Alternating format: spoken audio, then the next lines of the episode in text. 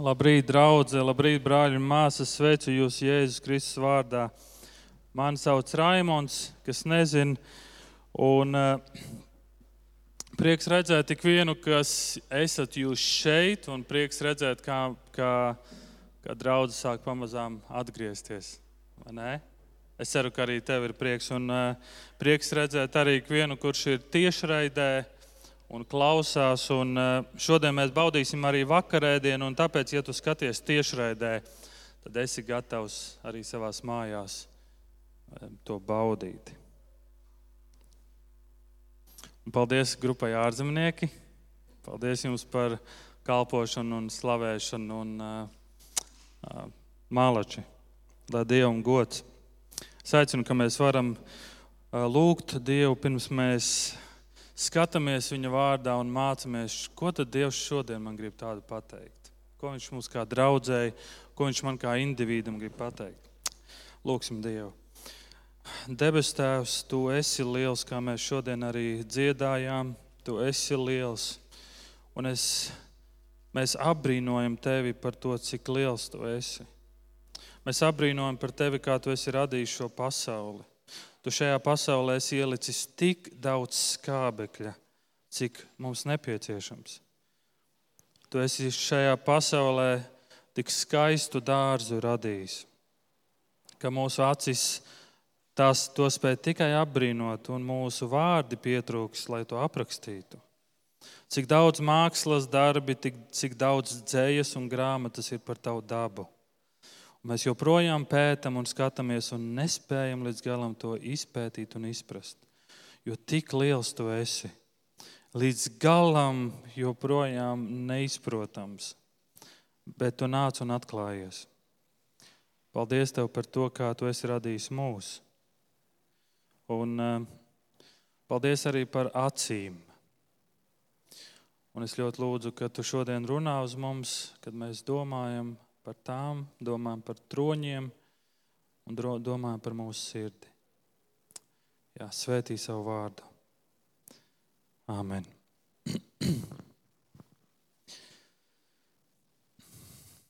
Ir kāds stāsts, ar ko es gribētu sākt. Stāsts no izdzīves. Stāsts izdzīves.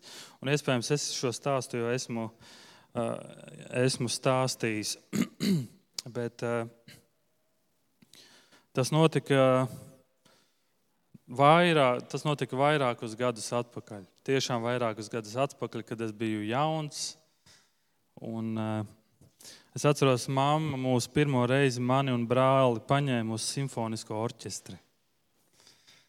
Un tad, kad mēs braucām uh, uh, tādā ekskursijā, es tajā laikā nedzīvoju Rīgā, es dzīvoju mazpilsētā. Tad mamma teica, gribat braukt uz Rīgu? Jā, Nu, būs jābrauc uz simfonisku orķestri. Jā! Un mēs iekāpām autobusā braucam uz simfonisko orķestri, ieejam un tāda zāle un skaists un ļoti daudz dažādi, tēr, parasti skaisti tērti cilvēki. Parasti šie cilvēki bija eh, vecas tantes vai veci onkuļi, bet ne tikai. Bet ne tikai. Mēs ienākam ar brāli un apsēžamies. Mēs bijām balkoniņā, es atceros, un, un, un, Un tad tur uznāk simfoniskais orķestris, un tad tur kā pirmais violnieks tur uznāk un tā tālāk. Un, un es pamanu, mans brālis sēž man blakus, un viņš tā, tā kā sāk smieties, un knapi turās. Es sāku smieties līdzi. Un tad simfoniskais orķestris sāk tur spēlēt, un kā tur violnieks izspēlē savu spēli. Un, mēs ar brāli sākam smieties. Mēs turam rokas priekšā un sākam smieties. Un mēs paskatāmies, tur pa labi ir sieviete, un viņa līdzi izdzīvo. Un, ah, cik skaisti! Un sieviete bija no Vācijas, man šķiet. Un, un mēs ar brāli vēl vairāk sākam smieties. Jau, jau nevis smieties, bet ir tāds nesmugs vārds - rēkt. Un mēs vienkārši saprotam, mums jāiet ārā. Mums jāiet ārā. Mēs gājām ārā, skaļi smejoties, vienkārši ejam ātrāk ārā, ka, mēs, ka mūs kāds nesadzird. Tā tālāk. Māma sēž vienkārši roku pielikusi priekšā, it kā mēs nebūtu viņas dēli. Nu tā, tā mēs gājām ārā, un tā bija mana pirmā pieredze par simfonisko orķestri. Un tad, un tad es tā domāju, tur sēž divi jaunieši, kuri skatās un rēc. Bet tur ir kāda sieviete, kura izdzīvo līdzi ar sajūsmu un izjūt to. Mums ir tās pašas mīsīgās sirdis, bet mūsu sirdis šīs lietas redz pilnīgi, pilnīgi dažādi. Tur varētu teikt, IQ līmenis zems, tur vispār neko nesaprot no mūzikas un tā tālāk. Bet sirds attieksme, tas, kā sirds to izjūt, bija pilnīgi, pilnīgi dažādi. Bija pilnīgi dažādi. Šodien domāsim par acīm, par troņiem un par tavu un manu sirdi. Un tāpēc es šodienas svētdienai devu nosaukumu Tronis nekad nedrīkst būt tukšs. Tronis nekad nedrīkst būt tukšs. Mūsu dzīve ir ļoti saistīta ar redzēšanu, vai ne? Mēs daudz runājam par iespēju virzības uz priekšu redzēšanu. Mēs mācām sevi redzēt noteiktos veidos. Mēs mācāmies redzēt tukšā lapā vai redzēt e iespējas ēdienu atliekās. Mēs mācāmies redzēt iespējas biznesos, mēs mācāmies redzēt iespējas krīzes momentos. Mēs visu laiku domājam par redzēšanu. Acis. Un tad tu domā par savām acīm, un tad tu atceries, ko tās tavā dzīvē ir nodarījušas, vai kādas iespējas tev tās ir devušas. Un man lūkšana šodien, ka arī mēs spējam ieraudzīt kādas lietas no tā stāsta un no tiem pantiem, uz kuriem mēs šodien skatīsimies. Es vēlos šodien aplūkot kādu stāstu, notikumu no vecās darbības par kādu vīru Bībelē. Un ja šī vīra laikā būtu Facebook vai Instagram, viņa bildes būtu viņa bildes un varoņdarbi noteikti būtu pie, pie pārpildīti ar Facebook un Instagram. Un tās bildes būtu iespaidīgas. Un jūs redzēsiet, kāpēc. Un tāpat laikā, kad mēs skatīsimies uz šo notikumu un stāstu, mēs mēģināsim ieraudzīt sevi šajā stāstā. Un tad palūkosimies uz mūsu lielo vajadzību. Un tad palūkosimies, kādu risinājumu Dievs mums dod. Sāksim ar stāstu, un ja tev ir Bībele priekšā, es vēlos, ka tu atšķiri vecajā derībā soļu grāmatas 16. nodaļu. Soļu grāmata 16. nodaļa. Tātad Bībelē ir vecajā derībā ir grāmata, ko sauc par soļu grāmatu, soļis jeb tiesnesis. Šī grāmata tiek nosaukta pēc interesantu personību kolekcijas, kuras vadīja Izraēla tautu. Tie bija seno Izraēļu, Izraēļu reliģiskie, politiskie un militārie vadoņi aptuveni 200 gadus ilgā posmā. Un tas, ko viņi darīja, ir aprakstīts soļu grāmatā. Kopā tur ir 12 soļi, jeb tiesneši. Un kā pēdējais no šiem soļiem Un mēs apskatīsim tikai vienu. Un kā pēdējais ir Simpsons. Pilnīgi nav nekāds sakars ar Simpsoniem. To es jums apsolu. Simpsons ir šis vīrs, par kuru rakstīts 16. nodaļā. Un šajā 16. nodaļā ir rakstīts kāds notikums par Simpsonu un kādu sievieti, kuru sauca Delīla. Delaila, Delīla. Sauksim viņu Delīla. Un šī Delīla ir filistiešu meitene, ar ko Simpsons ir kopā. Simpsons šajā laikā ir spēcīgākais vīrs, kāds zināms, un visiem no viņa ir bail, bet neviens nezina, kur slēpjas viņa spēks. Tu varētu jautāt, nu, cik spēcīgs viņš bija, cik iespaidīgs bija viņa spēks. 14. nodaļā rakstīts, ka Simpsons ar savu tēvu un māti gāja uz kādu pilsētu vārdā Timna, Un viņi nonāca pie Timnas vīna dārziem, un pre, pēkšņi pretī izlēc, izlēca jauns lauva, rēgdams. Un tad tur rakstīts, piepeši pār viņu nāca kunga gars, un viņš kailām rokām pārplēsa lauvu kā kazlēnu. Ja tu gribi iedomāties, kā, pār, kā viņš pārplēsa laivu, lauvu, mēģini iedomāties, kā viņš pārplēsa kazlēnu. Tu esi redzējis, kā pārplēš kazlēnu? Es neesmu redzējis, nav ne jausmas. Bet es mēģinu iztēloties, nu kā viņš varēja pārplēst lauvu. Žokļiem noteikti.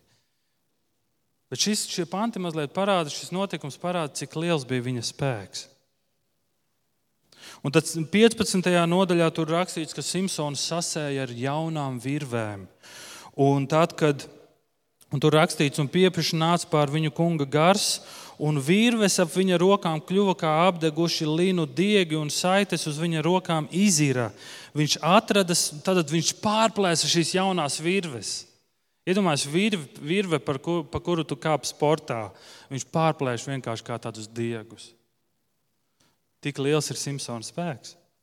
Viņš atrada svaigu ēzeļa žokla, žokļa kaulu, izstiepa rokas, atvēra to un nosita ar to tūkstošu vīru ar žokļa kaulu. Es nezinu, cik vēzienu tur bija. Tūkstošu vīru. Tik liels ir Simpsona spēks. Lūk, šis mazais ieskats, cik spēcīgs ir Simpsons. Un šajā 16. nodaļā ir šis stāsts par Simpsonu un Delīlu. Šī Delīla ir no filistiešu tautas. Skaista meitene. Tāpēc Simpsonam viņa patika. Un pie šīs meitenes atnāk filistiešu tautas vadoņi un saka, klausies, mēs tev dosim ļoti daudz naudas. Uzzini, kur slēpjas Simpsona spēks. Delīla trīs reizes mēģināja viņu piedzirdīt un izdabūt šo informāciju no viņa, un katru reizi tā bija nepatiesa. Un beigās šī sieviete ir sadusmojusies, un viņa saka, tu mani nemīli. Jo tu man visu laiku melo, un tu man nepasaki, kur slēpjas tavs spēks. Un 16. nodaļā, 17. pantā ir rakstīts, un viņš tai izstāstīja visu, kas tam bija uz sirds. Viņš teica, skujamais nazis nav nācis pār manu galvu, jo es esmu dieva nazīrietis no mātes miesām. Ja man nodzītu matus, mans spēks atstātu mani, un es kļūtu vājš un būtu kā visi citi. Simpsons bija vīrs ar ļoti gariem, skaistiem matiem. Viņa mati nekad nebija griezti. Un viņš izstāsta visu šai sievietei. Viņa Simpsonu piedzirdīja, miegā viņam nogriez matus, pasauc filistiešu kareivjus, un Simpsons vairs nespēja pretoties, kad viņš pamodās un redzēja kareivju viņam apkārt. Viņa spēks bija pazudis, filistieši viņu sagrāba un izdūra viņam acis. Traģiski. Šis spēcīgais lielais vīrs ar skaistiem kupliem matiem, ar garu, koptu vai nekoptu bārdu, es nezinu, paliek akls. Traģiski. Un, ja mēs izlasītu šo notikumu tikai 16. nodaļā, mēs varētu jautāt, nu, kāda ir stāsta morāli, kāda, kāda, ir, kāda ir tā doma. Un viena versija, ko mēs varētu teikt, ir šī: Neusticies savai melīgajai draudzenei, jo tad tev tiks izdurtas acis. Bet vai tā ir stāsta galvenā doma? Stāsts par Samuēlu sākas 13. nodaļā. Un šajā stāstā, ir, šajā 13. nodaļā ir stāsts par kādu sievieti, kurai nevarēja būt bērni. Viņa bija neauglīga, un tad viņai parādījās eņģelis, kurš teica 5. pantā, 13. nodaļā: Redzi, tu ieņemsi un dzemdēsi dēlu, skujamais nazis, lai neiet pār viņa galvu, jo šis zēns ir dieva nazīrietis kopš dzimšanas. Viņš sāks atpestīt Izrēlu no filistiešiem.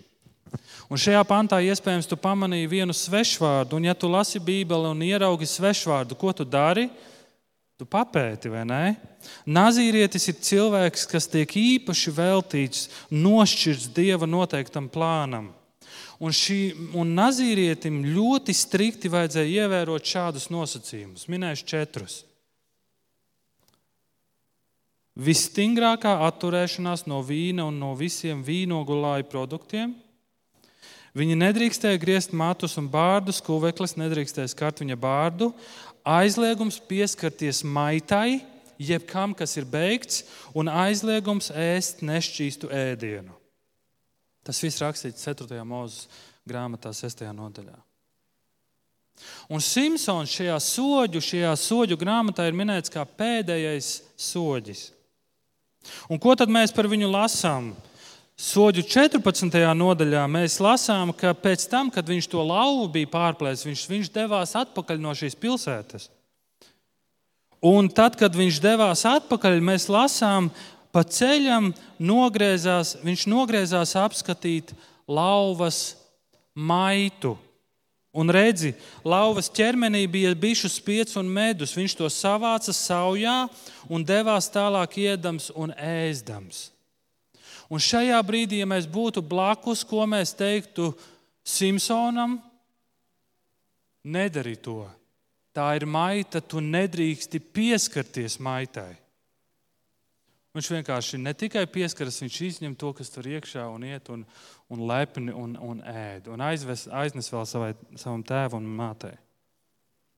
Soļu 13. nodaļā mēs lasām, viņš ierauga filistiešu sievu. Viņam viņa patīk, ko Simpsons dara. Viņš aiziet pie tēva un mātes un saka, es gribu šo sievu, viņa man patīk. Un viņš saka tēvam un mātei, ņemiet viņu man par sievu labs veids, kā apņemt sievu, vai ne? Ja tev kāds patīk, aizej pie mammas un tēta un ņemiet viņu man par sievu. Bet filistieši bija dieva tautas ienaidnieki. Un Simpsona uzdevums bija dieva tautu atbrīvot no ienaidniekiem. Tēvs un māte viņam teica, vai tavos rados nav meitu, vai visā mūsu tautā nav sieviešu, ka tu ej ņemt sievu no filistiešiem, šiem neapgaizītajiem? Ko uz, uz ko Simpsons atbildēja? Un Simpsona atbildes skan šādi. Bet Simpsons atbildēja savam tēvam: Tikai šo tu ņem man par sievu, jo viņa ir manām acīm tīkama. Viņa patīk manām acīm. Man neinteresē, ko tu saki. Ņem viņu man par sievu. Viņa patīk manām acīm. Ja tu izdomātu vienā vakarā, ja pēkšņi šajā svētdienas vakarā tu izdomātu, es izlasīšu visu soļu grāmatu, 21 nodaļu, nav daudz, bet ļoti interesanti. Tad viena lieta, ko tu pamanītu, ir kādi vārdi, kas nepārtraukti atkārtojas šajā soļu grāmatā. Un šie vārdi ir šādi. Soļu grāmatas otrajā nodaļā. Izraēla dēli darīja to, kas ļauns kunga acīs. Soļu grāmatas 4, 6, 10 un 13 nodaļā. Izraēla dēli turpināja darīt to, kas ļauns kunga acīs. Un kāds ir rezultāts? Pēdējais soģis paliek bez acīm. Izrēla dēli darīja to, kas ļauns Dieva acīs, un beigās viņi paliek akli. Katrs darīja, katrs darīja, kā tam šķita pareizi. Vai tu spēj sevi ieraudzīt šajā stāstā? Katrs darīja, kā tam šķita pareizi. Šis apgalvojums mums 21. gadsimta cilvēkam skan tik ļoti normāli, pat pareizi. Jo kā gan citādāk, tu esi brīvs cilvēks. Mēs dzīvojam demokrātiskā valstī un mēs darām to, kas manām acīm ir patīkami. Loģiski, 21. gadsimts, demokrātija. Es daru to, kas man patīk. Mācītājs ASV Tims Kellers savā grāmatā Iemesls dievam min kādu komentāru no kādas jaunas mākslinieces, kas izteicās par kristietību šādi. Viena patiesība, kas der visam pieeja, ir pārāk aprobežota. Un viņa saka, kristiešus, kurus es pazīstu, viņi šķiet tādi, kuriem nav brīvība domāt pašiem par sevi. Es ticu, un esmu pārliecināta, ka katram individam ir pašam jānodefinē sava patiesība. Lūk, 21. gadsimta cilvēka domāšana. Tev kā pašam jāatrod savs ceļš, sava patiesība. Tu pats esi savas dzīves, savas laimes kalējs. Ir dzirdēts, vai ne? Tu pats esi savas laimes kalējs. Un es esmu pārliecināts, ka tu esi dzirdējis vārdus kā šie. Galvenais, ka tev tas strādā. Un, nu, ja tu tā jūties, un ja tu tā domā, ka tas ir ok, tev tas var šķist nepareizi, bet man, bet priekš manis tas ir pareizi. Dari to, kas tev šķiet pareizi. Dari to, kas tevi dara laimīgu. Es dzirdēju šādus vārdus. Un es esmu pārliecināts, mēs esam lietojuši šādus vārdus. Un, ja kāds man norāda kaut ko, ko es daru savā dzīvē, bieži vien mana reakcija ir, kas tu tāds, ka man tiesāsi? Kas tu tāds esi, ka tu drīkst vispār man tā teikt? Pirms pāris nedēļām redzēju video YouTube. Un šajā video tiek intervēti dažādi vienas universitātes studenti ASV. Un sarun, sarunas temats ir par toaletēm. Šajā uni, universitātē e, tika izveidotas jaunas toaletes priekš transseksuālām personām vai priekš gejiem, kuri saka, mums nepatīk, kad iedalas vīrietis vai sieviete, mums vajag kopīgo toaleti bez maz vai pēc idejas. Un tad nu, šie, tiek intervēti daudz, daudzi studenti. Intervētājs ir vīrietis, baltais, kuram ir 27 gadi aptuveni, un kurš ir 1,80 m garš. Jūs sapratīsiet, kāpēc. Tas, tas ir svarīgi. Un viņš uzdod pirmo jautājumu šiem studentiem. Viņš saka, ko jūs sakāt par šīm toaletēm, kas tagad ir atvērtas šeit universitātē? Uz ko lielākā daļa atbildēja, tas ir ok Man ir viena alga. Ja viņiem labi, tad man arī man ir labi. Otrs jautājums tika uzdots, ko jūs teiktu? Šis baltais vīrietis eh, saka, ko jūs teiktu? Ko tu teiktu, ja es apgalvotu, ka es esmu sieviete? Acīm redzami, tas tā nav. Atbilde uz šo jautājumu bija ļoti līdzīga visiem. Ja tu tā jūties un domā, tad man tas ir ok. Es neiebilstu, ja vien tu esi laimīgs. Man tas ir ok. Pēc tam intervētājs turpināja, un viņš saka, ko tu teiktu, ja es apgalvotu, ka es esmu ķīniešu sieviete? Ļoti daudzi apmulsa un sasmējās par šādu apgalvojumu, bet joprojām piekrītoši atbildēja: Ja vien tu tā domā, un tev ir labi, tad es tam piekrītu, un man nav nekādu problēmu par to. Un intervētājs jautā atkal, viņš neatkāpjas. Viņš saka, ko tu teiktu, ja es apgalvotu, ka es esmu divi metri, div, divi metri gara ķīniešu sieviete un man ir deviņi gadi? Uz šo atbildes nebija viennozīmīgas. Cilvēki ļoti apmulsa,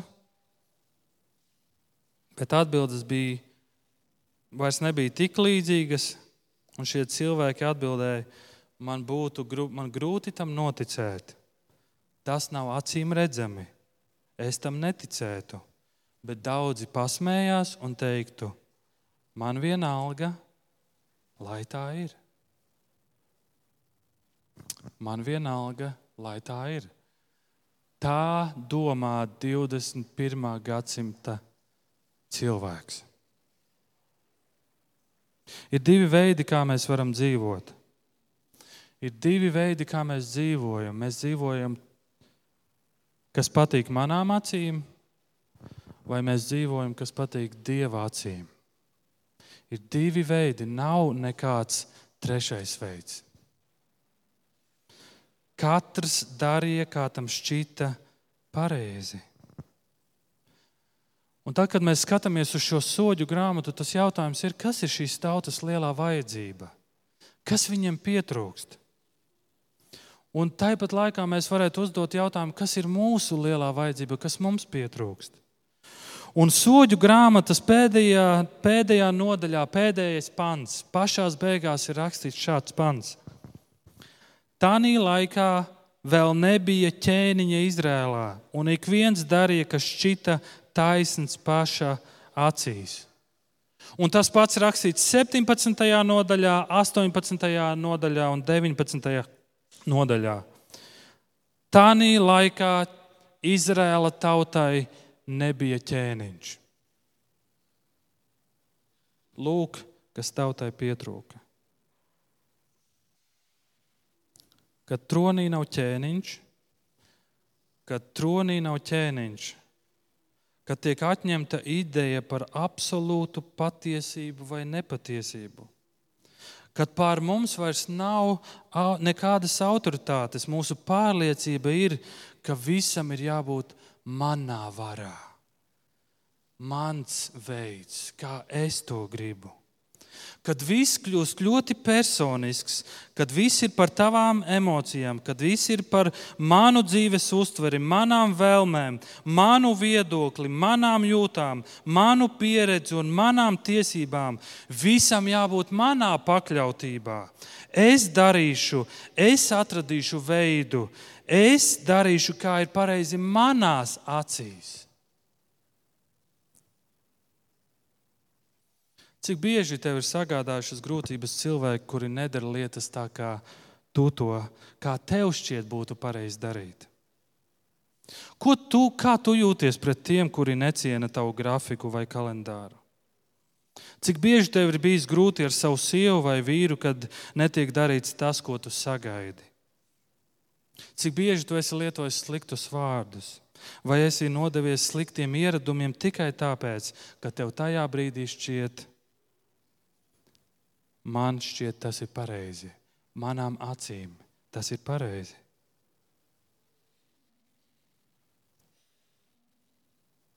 Izraēla tautas trešais ķēniņš. Salamana pamācībās, jeb sakām vārdos, saka šādi: 16. nodaļā. Ikvienam cilvēkam viņa ceļi šķiet šķīsti, tīri, pareizi, bet tas kungs sver cilvēka sirdi un garu. Ja mūsu pirmā reakcija ir attaisnot visas mūsu darbības un attieksmes, ko par to saka Dievs? Viņš ir tas, kurš sver tavu sirdi un garu. Un vēl šis gudrais Salamans saka 26. nodaļā, Sliņķis iedomājas sevi gudrāku esam par septiņiem, kas dzīves ziņu māca citiem. 30. nodaļā viņš saka, dažs šķiet šķīsts, tīrs pašā acīs, taču no saviem mēsliem nav mazgāts. Cik tieši pateikts. Un 12. nodaļā šis salamans saka, muļķa ceļš pašam šķiet taisns, bet gudrais uzklausa padomu. Un tāpēc viens no tādiem secinājumiem, ko šis Salamans grib pateikt, un viņš to saka 3. nodaļā, 7. pantā, neliecies gudrs pats savās acīs, bīsties kunga un vairies no ļauna.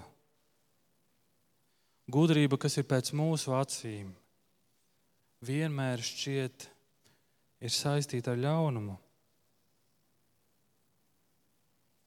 Un tā mācība, ko Dievs grib dot mums šodien, ir kad mums nav ķēniņa, kad tronis ir tukšs, mēs esam akli. Mēs dzīvojam melos, un garīgi mēs esam vāji. Pāvils Efeziešiem, vēstule Efeziešiem, pirmajā nodaļā, tas ir jaunajā derībā. Viņš, vi, viņš lūdz lūgšanu, un šī lūgšana, daļa no šīs lūgšanas skan šādi: Lai mūsu Kunga Jēzus Kristus Dievs, godības tēvs dod jums gudrības un atklāsmes garu, tā ka jūs viņu atzīstat, lai jūsu gara acis būtu apgaismotas un lai jūs zinātu, kas ir viņa aicinājuma cerība un kādu godības bagātību iemanto viņa svētie. Un Pāvils lūdz, kaut mūsu gara acis būtu atvērtas. Bet ko tad iesākt? Ko man vajadzētu darīt. Un mēs skaidri redzam, un mēs varam izsacināt, Dieva tautai ir vajadzīgs vadītājs. mums ir vajadzīgs vadītājs. Dieva tautai ir vajadzīgs ķēniņš, mums ir vajadzīgs ķēniņš. Mums ir jāsauc pēc ķēniņa. Un pēc soļu grāmatas ir tāda grāmata, ko sauc par Samuēla grāmatu, pirmā un otrā Samuēla. Un Samuēls bija arī tāds soģis, un pie viņa atnāk Izraēla tauta, un viņi kaut ko jautā. Viņi saka, Samuēl, tu esi vecs, tu drīz mirsi, mums vajag vadītāju, mums vajag ķēniņu. Samuēlam šī doma nepatika. Viņš iet pie dieva un viņš jautā dievam. Un Dievs viņam saka, dari tā, kā viņi tev prasa. Un kas notiek pēc vairākiem mēnešiem, Dieva tautai ir ķēniņš. Un tas ir tas, kas Dieva tautai bija vajadzīgs. Jā, ķēniņa iecelšana atrisināja un sakārtoja daudzus jautājumus. Daudzus valstiskus jautājumus, tiesiskos jautājumus un citus jautājumus. Bet tas neatrisināja pašu svarīgāko. Tas neatrisināja sirds jautājumu. Mēs lasām, ka simts gadus vēl vēlāk, vairākus simtus gadus vēlāk, Dieva tautai ir savs ķēniņš, bet tur rakstīts, un viņi darīja to, kas ir ļauns Dieva acīs. Kur ir problēma? Un tajā brīdī, kad pie Samuēla atnāca un teica, iecel mums ķēniņu, Samuēls devās pie Dieva un klausies, ko Dievs viņam atbildēja. Samuēls lūdza kungu, kungs sacīja Samuēlam: Ieklausies tautas balsī, visā, ko viņi tev saka, jo ne tevi viņi ir atraidījuši, bet mani, lai es vairs nebūtu viņu ķēniņš. Sauciens ir pareizs. Tauta saprata pareizi, tev vajag ķēniņu bet viņi sauca uz nepareizo ķēniņu. Viņa tauta, tauta prasīja to ķēniņu, kuru viņi iedomājās. Ķēniņu, kas patīk viņu acīm. Bet ķēniņu, kas viņus atbrīvoja, viņi aizmirsa. Un kādu risinājumu dod Dievs? Dievs tomēr ir tik labs, Mīļie, Dievs ir tik labs, ka Viņš neatstāja mūs sev. Viņš neļauj, ka mēs sevi iznīcinām. Un Dievs iejaucas mūsu šīs pasaules kārtībā, un Viņš vēlas visu atjaunot. Dievs sūta ķēniņu. Dievs sūta to, ko bija apsolījis jau vecajā derībā. Dievs sūta to, par ko ir rakstījuši daudzi pravieši. Apostolis Pāvils rakstīja, ka Jēzus ir ķēniņš, kas mūs izrāva no tumsas varas un ieveda savā valstībā, kolosiešiem 1.13. Un Jēzu Kristu, Jēzus Kristus ir tas, kurš piepilda šo apsolījumu, kā rakstīts vecajā derībā, Ecehiela grāmatā 11. nodaļā. Es tiem došu jaunu sirdi Es likšu viņos jaunu garu, es izņemšu no viņu miesām akmens sirdi un došu tiem miesas sirdi. Dievs dod mums ķēniņu, kurš atrisina vislielāko mūsu problēmu - jauna sirds.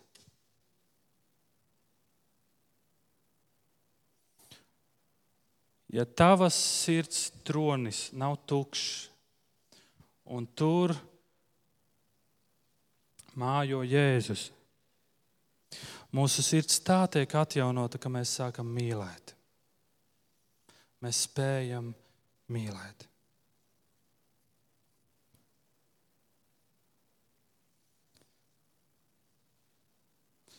Un kāpēc tad mēs dzīvojam tā, ka mums dzīvojam tā, kā patīk mūsu acīm? Jo mūsu sirds mīl to, kas ir ļauns. Mūsu sirds mīl tumsu vairāk par gaismu. Un tāpēc tiek sūtīts Jēzus. Un, ja tu domā, šis vārds ir domāts tiem, kas sēž divus vai četrus metrus no tevis pa labi vai pa kreisi, tad tu kaut ko neesi sapratis. Ja tā ir atdošanas situācija, kā tu rīkojies? Tu rīkojies pēc tā, kas patīk tavām acīm. Ja tas ir par naudu tavā dzīvē, vai tu rīkojies tā, kā tas patīk tavām acīm? Tavs brīvais laiks, tava pagātne, tavs, tava sieva, tavs vīrs, tavi bērni, tavi kolēģi, tavi vecāki, mamma un tētis. Tas, ko tu skaties, tas, ko tu klausies, ko tu lasi. Viss, ko tu dari, tu dari to, kas patīk tavām acīm, vai to, kas patīk Dieva acīm. Un šis vārds attiecās uz mums visiem, uz ticīgajiem, uz šaubīgajiem, uz neticīgajiem, uz melnajiem, uz baltajiem. Tas attiecas uz visiem. Un tas ir iemesls, kāpēc mēs Vīlandē katru svētdienu sludinām Jēzu Kristu. Un kāds iespējams varētu ienākt šeit, baznīcā, un tāpat kā es un mans brālis, turēt savus smieklus un rēkt un domāt, ko viņš šeit dara. Bet, ja tavas sirds, ja tavas sirds tronī ir Jēzus Kristus, tad tava dziedāšana, tas, ko tu runā, tava dzīvošana būs piepildīta ar mīlestību. Un tā ir mūsu lielākā problēma. Mums trūkst mīlestība. Un nobeigumā ļaujiet man minēt kādu stāstu. Antīkajā literatūrā ir kāds stāsts, kādas sarunas starp Persijas impērijas valdnieku Kīru Lielo un Tigranu, Lielās Armēnijas valdnieku. Un tā situācija bija tāda, ka eh, Persijas impērija pārņēma Armēnijas eh, impēriju, un Armēnijas valdnieku ka visas tauta, mantas un sieva tika nodotas Kīram lielajam. Bet tad šis e, impēri, Persijas impērijas valdnieks izdomāja, es armēņus atbrīvošu. Es viņus atbrīvošu. Un tad viņš uztaisīja viesības un uzaicināja armēņus pie sevis. Viņš kā tādu labu žestu, ļoti interesanti. Un tad viņš armēņu šim valdniekam jautāja šādu jautājumu: Cik tu būtu gatavs maksāt, lai atgūtu savu sievu? Kīr, sacīja Tigrants. Es būtu gatavs viņu izpirkt ar savu paša dzīvību. Uz ko Kīrs atbildēja: Paturi savu dzīvību pie sevis. Kad visi armēņi atgriezās no gūsta, tad kādi runāja par Kīra lielā gudrību, kādi runāja viņa, par viņa pacietību un, un lēmumiem, kādus viņš pieņēmis, kādi atkal runāja par viņa skaistumu. Un šis Armēnijas valdnieks Tigrants jautāja savai sievai, vai arī tu domā, ka Kīrs lielais ir skaists? Uz ko viņa sieva atbildēja, patiesi saku, es uz viņu neskatījos. Uz ko tad tu skatījies? Turpināja Tigrants. Uz ko viņa sieva atbildēja: Es skatījos uz to, kurš teica, ka ir gatavs izpirkt mani ar savu paša dzīvību. Es skatījos uz to, kurš teica, ka ir gatavs izpirkt mani ar savu paša dzīvību. Un ja viņa pat atradās gūstā pie citiem, Viņa skatījās uz to, kurš teica un apsolīja. Mateja 20. nodaļā, 28. pants. Jo tāpat arī cilvēka dēls nav nācis, lai viņam kalpotu, bet lai viņš pats kalpotu un atdotu savu dzīvību kā izpirkšanas maksu par daudziem. Lūk, kādu ķēniņu Dievs mums dod. Ķēniņš, kurš mirst tevis dēļ. Vai tu skaties uz viņu? Un tāpēc sauksim, lūgsim, klieksim un raudāsim pēc šī ķēniņa. Jo es dzirdēju kādu citātu. Asaras ir dabisks losjons acīm. Acis redz labāk, ja ar tām tiek mazgātas. raudāšana var palīdzēt un palīdz tavām acīm. Varbūt mums ir jāraud pēc šī ķēniņa. Un jāļauj, lai viņš ieņem šo troni, manas sirds troni, un es savu dzīvi dzīvoju nevis tā, kā man patīk, bet kā tas patīk kungam. Lūksim Dievu. Mīļais Jēzu, paldies par tavu vārdu. Tavs vārds ir daudz bagātāks un daudz lielāks, kā mēs spējam to aptvert. Tu redzi manu sirdi, tu redzi mūsu sirdis, un tu redzi to, kas mums ir Tu redzi to, kas ir mūsu sirds tronī. Un ja šīs sirds tronī jēzu nesēdi tu, tad iznīcini visus tos elkus, kas ir mūsu dzīvēs, un ieņem tu šo vietu. Jo Bībele, kas ir tavs vārds, mums skaidri parāda, ja šajā tronī nesēdi tu, mēs darām to, kas patīk mūsu acīm un rezultāts ir, mēs kļūstam akli. Rezultāts ir traģēdija. Bet, ja mēs gribam mīlēt, mēs gribam būt mīlestības vadīti. Un šajā brīdī tu redzi mūsu sirdis, un tu redzi mūsu, kas saucamies ticīgie, un mēs domājam, ar mums viss ir kārtībā. Tad, kā sākumā mēs lasījām, pārbaudi manu sirdi, vai tā mīl tevi, un palīdz man atgriezties pie šīs mīlestības. Un tu redzi šeit kādus, varbūt, kuri domā, vai kristietība vispār ir priekš manis. Tad es ļoti lūdzu, ka tu atver sirds acis, ieraudzīt un saprast, cik ļoti tu mīli mūs un cik ļoti vajadzīga mums tava mīlestība. Mēs pateicamies un slavējam Tevi, Jēzu Kristu. Tavā vārdā. Āmen.